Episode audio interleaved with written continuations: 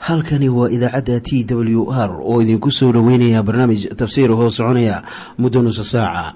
Waxaana barnaamijkan codka waayaha cusub ee waxbaridda ah idiin soo diyaariya masiixiin soomaaliya. Guudow siraadkii adduunkow subanaha eebow sareyow masiixow samawadaha guudow siraadkii adduunkow subanaha eebow adigoo samada jiro ifkaan soo saldhiganba adigoo samada jiro ifkaan soo saldhiganba kutubtiisanaye udanogu saaciiday sharxin sifahaaga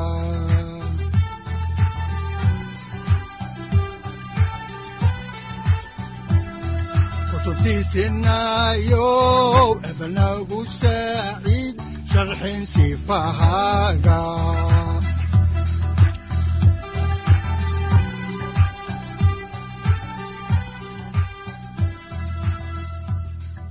ku soo dhowaada dhegaystayaal barnaamijkeenna dhammaantiinba.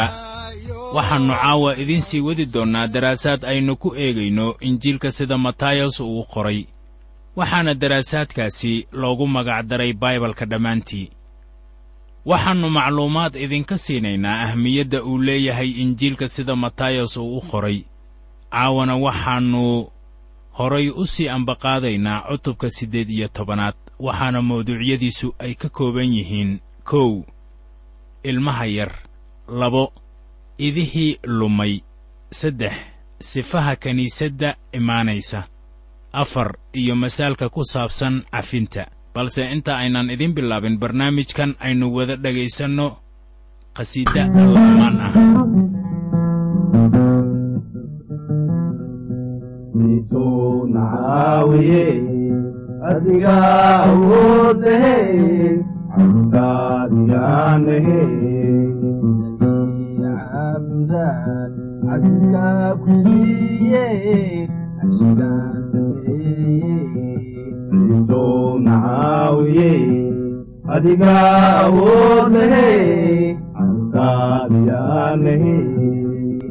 nisoo nacaawiye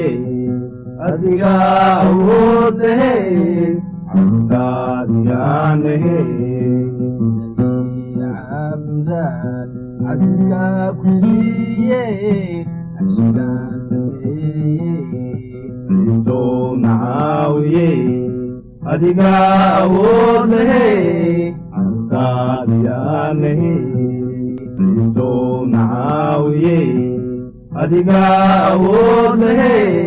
cabdaan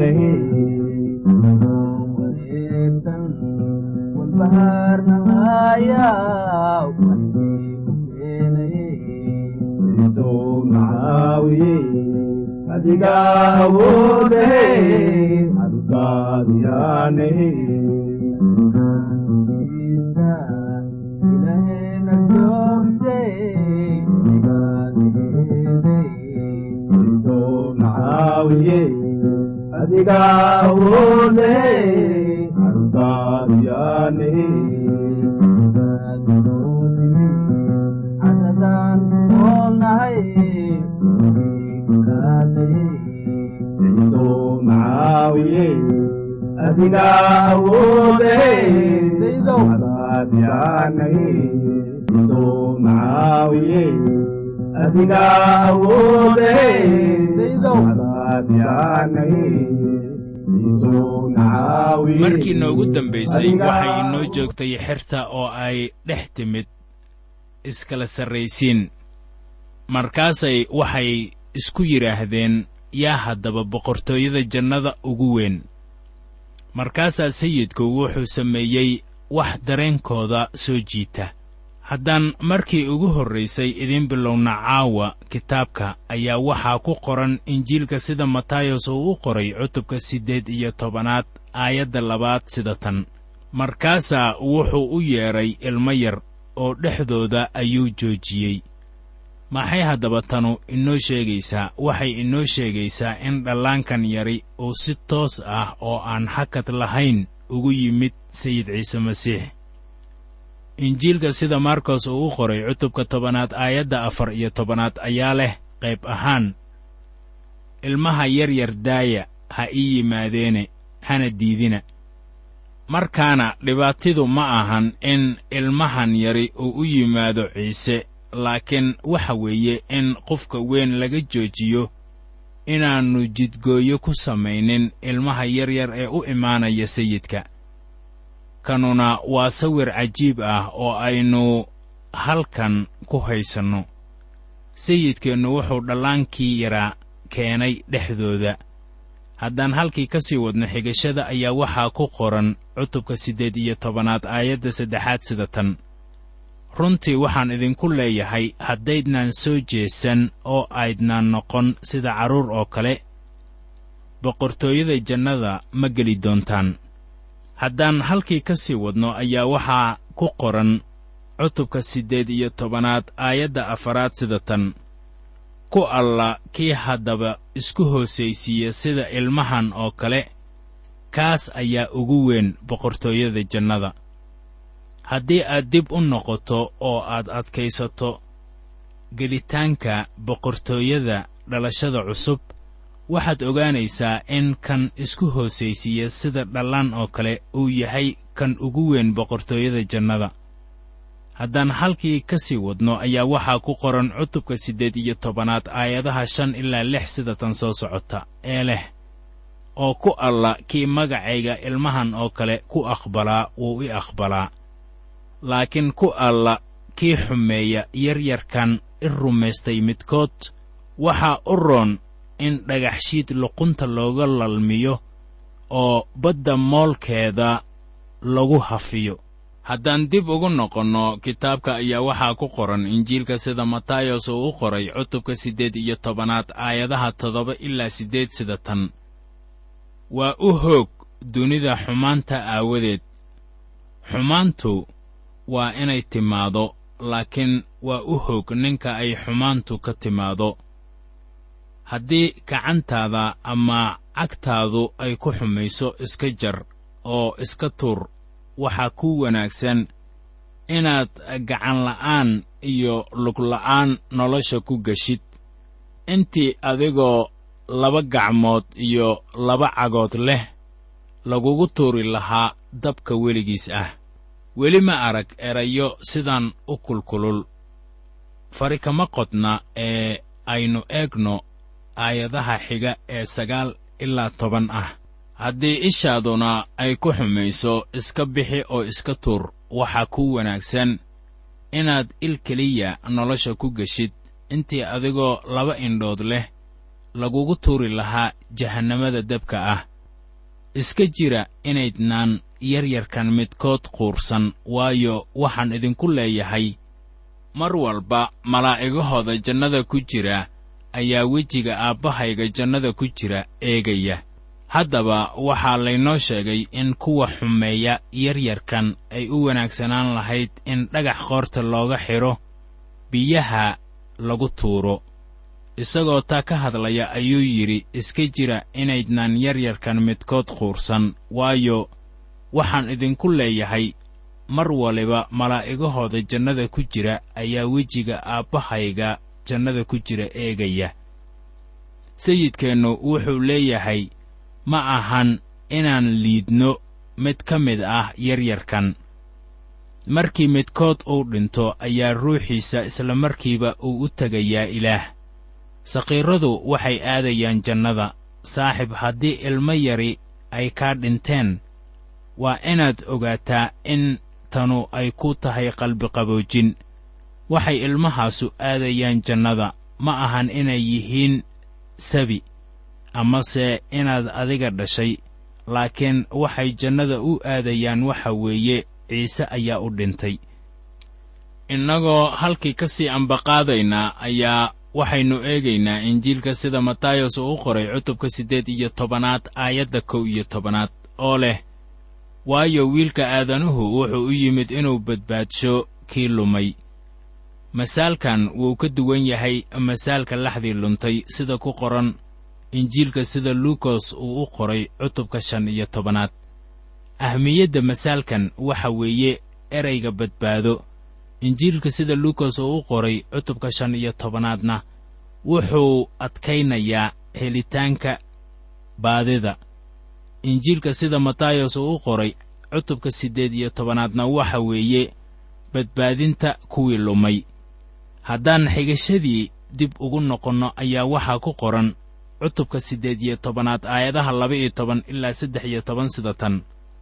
Maxay idinla tahay? Nin hadduu tiro ida ah leeyahay oo middood ay ka hallowdo miyaannu sagaal iyo sagaashanka buuraha dushooda kaga tegin oo doonin tii hallowday ama luntay oo hadday noqoto inuu helo runtii waxaan idinku leeyahay taas aad buu ugu farxaa si uusan ugu farxin. Sagaal iyo sagaashankii aan hallaabin ama lumin. Hallaabin markaynu leennahay dhegaystayaal waxaan ka wadnaa lumin. La socda sidaa. Waxaad ogaataa sida ay tanu u soo gebagabaynayso wuxuu weli ka fakerayaa dhanka carruurta haddaan halkii ka sii wadno ayaa waxaa ku qoran aayadda xigta ee afar iyo tobanaad sida tan. Sidaas oo kale ma ahan doonista aabbihiinna jannada ku jira. In yaryarkan midkood ou lumo. Wuu ka taxaddarayaa iyaga ilaa ay gaaraan baaluqnimo iminkana aynu ka hadalno maaddada ah qaabka loo maareeyo kiniisadda haddaan halkii ka sii wadno xigashada kitaabka ayaa waxaa ku qoran injiilka sida matayos uu qoray aayadda shan iyo tobanaad ee cutubka siddeed iyo tobanaad sida tan soo socota oo haddii walaalka uu kugu dembaabo u tag oo canaano adiga iyo isaga keli ahaantiinna.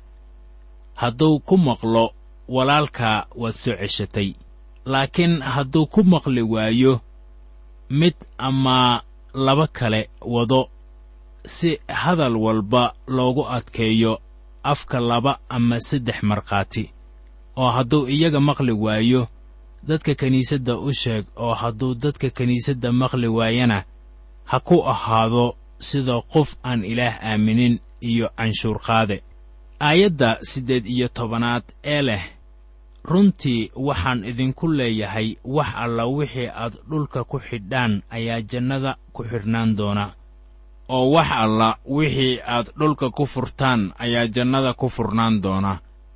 Waxaannu halkan ku arkaynaa haddaynan hadallada gudbinin inaan dhulka ku xidhayno markaana haddii aynu hadallada gudbinno hadalladii ayaannu ku furaynaa dhulka. Haddaba aynu eegno injiilka sida matayos uu u qoray cutubka siddeed iyo tobanaad aayadaha sagaal iyo toban ilaa labaatan weliba waxaan idinku leeyahay haddii laba idinka mid ahu dhulka ku heshiiyaan wax kastoo ay baryaan way uga noqon doontaa xagga aabbahayaga jannada ku jira. Waayo meeshii laba ama saddex qof ay magacayga isugu soo ururaan halkaas anigu dhexdoodan joogaa waxaa qoran haddii laba idinka mid ahu dhulka ku heshiiyaan miyaa haddaba uu ula jeedaa taas haddii aynu wax walba ku heshiinno inuu ina maqlayo. Haa laakiin waxaad ogaataa shuruudda lagu xidhay ee ah meeshii labo ama saddex qof ay magacayga isugu soo ururaan wuxuu maqlayaa codsi waliba ee lagu weyddiistay magaca masiixa waxaana taas loola jeedaa codsiga masiixa qudhiisu uu samaynayo.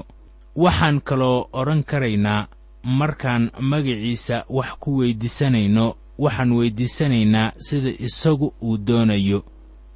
Marka uu sayidku leeyahay meeshii laba ama saddex qof ay magacayga isugu soo ururaan halkaas anigu dhexdoodan joogaa ayaa taasu ay tahay habka ugu fudud ee xukunka kiniisadda marka aayadda sagaal iyo tobanaadi ay tahay aasaas cusub oo tukasho ayaa aayadda labaatanaadina ay tahay aasaas cusub ee kiniisad muuqata.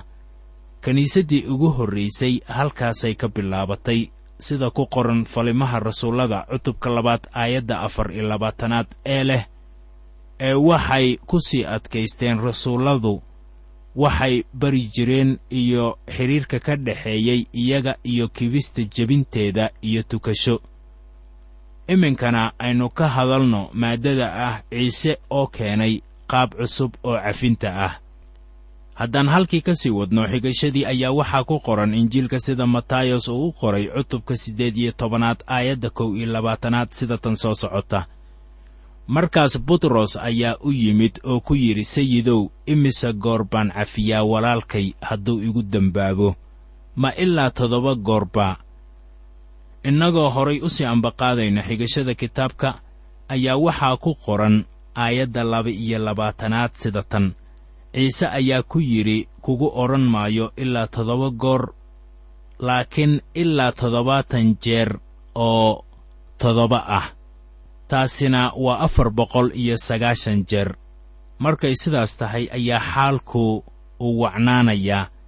Haddaanay sidaas ahayn wakhti bay qaadanaysaa ilaa cafiskaasu uu noqdo mid aan waxtar lahayn. Afar boqol iyo sagaashan jeer ayuu noqonayaa xadku taasuna waa gunta xaajada sayidku uu inahoga tusaalaynayo haddaan halkii ka sii wadno kitaabka ayaa waxaa ku qoran injiilka sida matayos oo u qoray cutubka siddeed iyo tobanaad aayadaha saddex iyo labaatan ilaa lix iyo labaatan sida tan. Sidaa darteed boqortooyada jannada waxaa loo ekaysiiyaa nin boqor ah oo doonayay inuu addoommadiisa ka xisaab qaato. Goortuu bilaabay inuu xisaab qaato waxaa loo keenay nin toban kun oo talanti uu ku lahaa laakiin wuxuu ku bixiyo ma uu haysan. Markaasaa sayidkii wuxuu ku amray in la iibiyo isaga iyo naagtiisa iyo carruurtiisa iyo wuxuu lahaa oo dhan oo lagu bixiyo. Addoonkii haddaba wuu dhacay oo intuu sujuuday ayuu wuxuu ku yidhi ii dulqaado anna waan wada bixin doonaaye. Waxaan qiyaasayaa inuu lahaa waxaan doonayaa in aan dib u bixiyo lacagta qaanta ah iyadoo aan raacayo qorshe. Haddaan halkii ka sii wadno ayaa waxaa ku qoran aayadda toddoba iyo labaatanaad sida tan. Markaasaa addoonkaas sayidkiisii uu u naxariistay wuuna sii daayey oo amaahdii wuu cafiyey ama wuu u dhaafay. Haddaan haddaba halkii ka sii wadno injiilka ayaa waxaan iminkana soo gaarnay aayadda siddeed iyo labaatanaad ee cutubka siddeed iyo tobanaad. Waxaana qoran sida tan laakiin addoonkaas ayaa baxay oo helay mid ka mid ah addoommadii uu la shaqayn jiray kii uu ku lahaa boqol diinaar. Wuu qabtay oo intuu ceejiyey ayuu ku yidhi bixi waxa lagugu leeyahay. Marka la leeyahay boqol diinaar waxay u dhigantaa ilaa iyo toddoba iyo toban dollar. Waxaad haddaba taas la barbar dhigtaa laba iyo toban milyan ee dollar. Haddaan halkii ka sii wadno masaalkan ayaa waxaa ku qoran injiilka sida matayos oo u qoray aayadaha sagaal iyo labaatan ilaa shan iyo soddon sida tan. Addoonkii uu la shaqayn jiray ayaa haddaba cagihiisii isku riday oo baryey oo ku yidhi ii dulqaado anna waan bixin doonaaye isaguse ma uu doonaynin laakiin wuu baxay oo xabsiga ayuu ku tuuray ilaa uu bixiyo wixii lagu lahaa. Haddaba wixii la shaqayn jiray goortay arkeen wixii dhacay aad bay u calool xumaadeen oo intay sayidkooda u yimaadeen ayay u sheegeen wixii dhacay oo dhan. Markaasaa sayidkiisii uu u yeedhay oo ku yidhi addoon yahow sharka lahu waxaan kugu lahaa oo dhan waan kuu dhaafay. Waayo waad i bariday. Miyaanad lahayn inaad kii kula shaqayn jiray u naxariisatid sidaan anigu kugu naxariistay. Markaasaa sayidkiisu uu carooday oo u dhiibay kuwa dadka silciya ilaa uu bixiyo wixii lagu lahaa oo dhan. Sidaas oo kalena ayaa aabbahayga jannada ku jiraa oo idinku samayn doonaa haddaan midkiin waliba qalbiga ka cafiyin walaalkiis. Masaalkan ku saabsan addoonkii loo cafiyey lacagtii caddadka badnayd oo haddana diiday inuu cafiyo mid kale uu qaanyar ku lahaa ayaa taasu ay sharaxaad ka bixinaysaa shuruucda cafiska.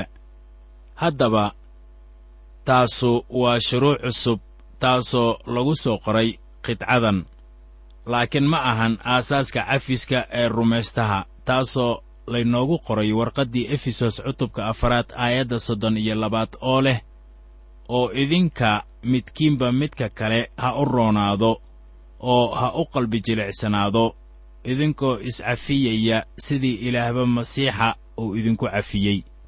Iminka waxaannu haatan soo gaarnay cutubka sagaal iyo tobanaad ee injiilka sida matayos uu u qoro waxaana mawduucyadiisu ay ka kooban yihiin kow ciise oo galaya yuhuudiya labo isagoo dadka baraya heerka ilaah oo ka doonayo guurka saddex isagoo sheegaya in hal asbaab oo keliya wax lagu furi karo afar isagoo barakadaynaya carruur yar yar shan isagoo la kulmaya nin dhallinyaro ah oo hodan ahaa lix iyo isagoo u magacaabaya rasuullada shaqada ay ka qabanayaan boqortooyada. Waxaa haddaba inta yaalla ku talagal cayiman ee ku taxalluqa waxyaalaha uu samaynayo iyo waxa uu leeyahay. Sababtaas aawadeed aynu haatan eegno maaddada ah ciise oo dib u gelaya yuhuudiya aynu haddaba markii ugu horraysay ku bilowna kitaabka injiilka sida matayos uu u qoray cutubka sagaal iyo tobanaad aayaddiisa koowaad oo leh oo waxaa dhacay in goortuu ciise hadalladan dhammeeyey oo galiilii ka tegey oo wuxuu yimid sohdimaha yuhuudiya oo webi urdun ka shisheeya.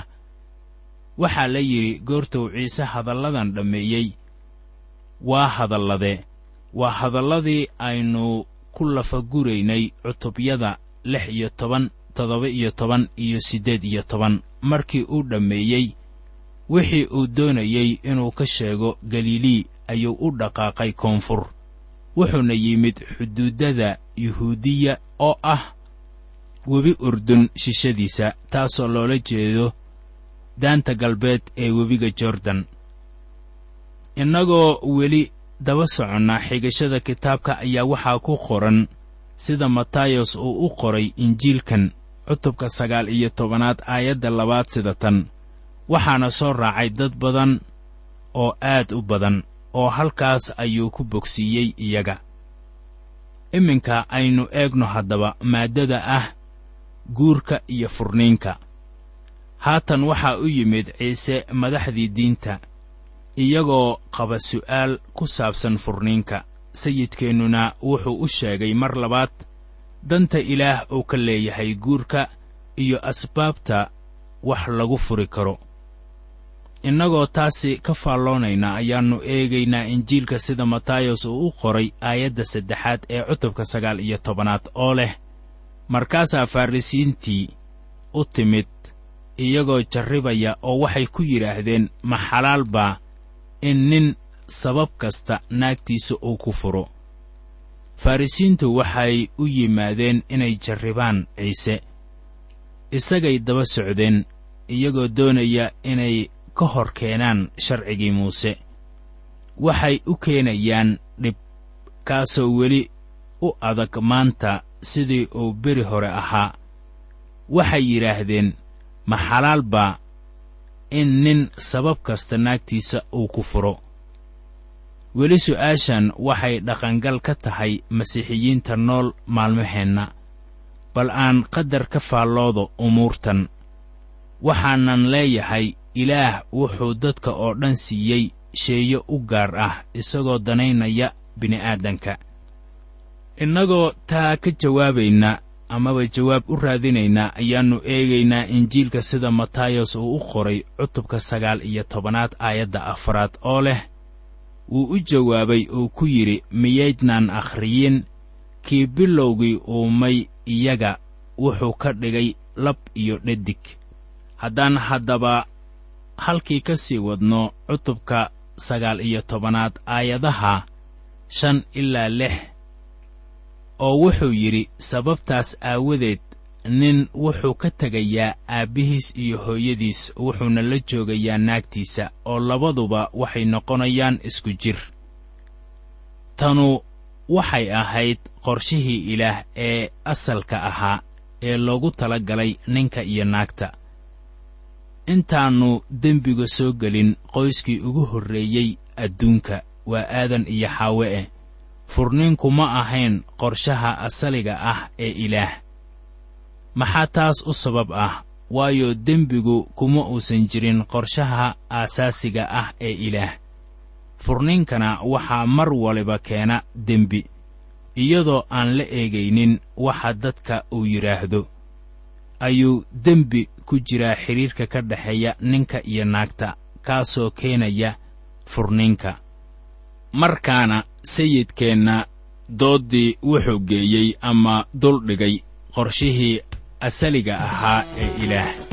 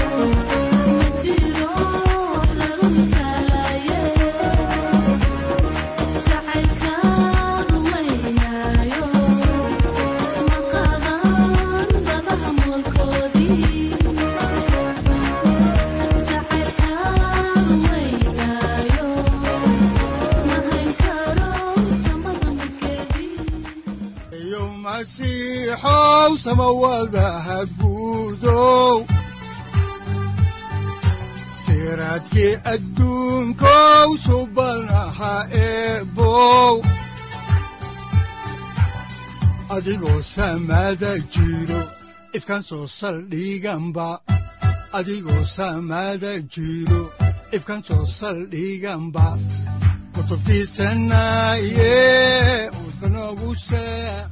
halkani waa t w r idaacadda t w r oo idinku leh ilaa ha idin barakeeyo oo ha idinku anfaco wixii aad caawi ka maqasheen barnaamijka. Haddiise aad doonaysaan in aad fikirkiina ka dhiibataan wixii aad caawi maqasheen ayaad nagala soo xiriiri kartaan som t w r at t w r c o k e haddii aad doonaysaan in aad dejiisataan oo kaydsataan barnaamijka ama aad mar kale dhegaysataan fadlan mar kale booqo www t w r o r g.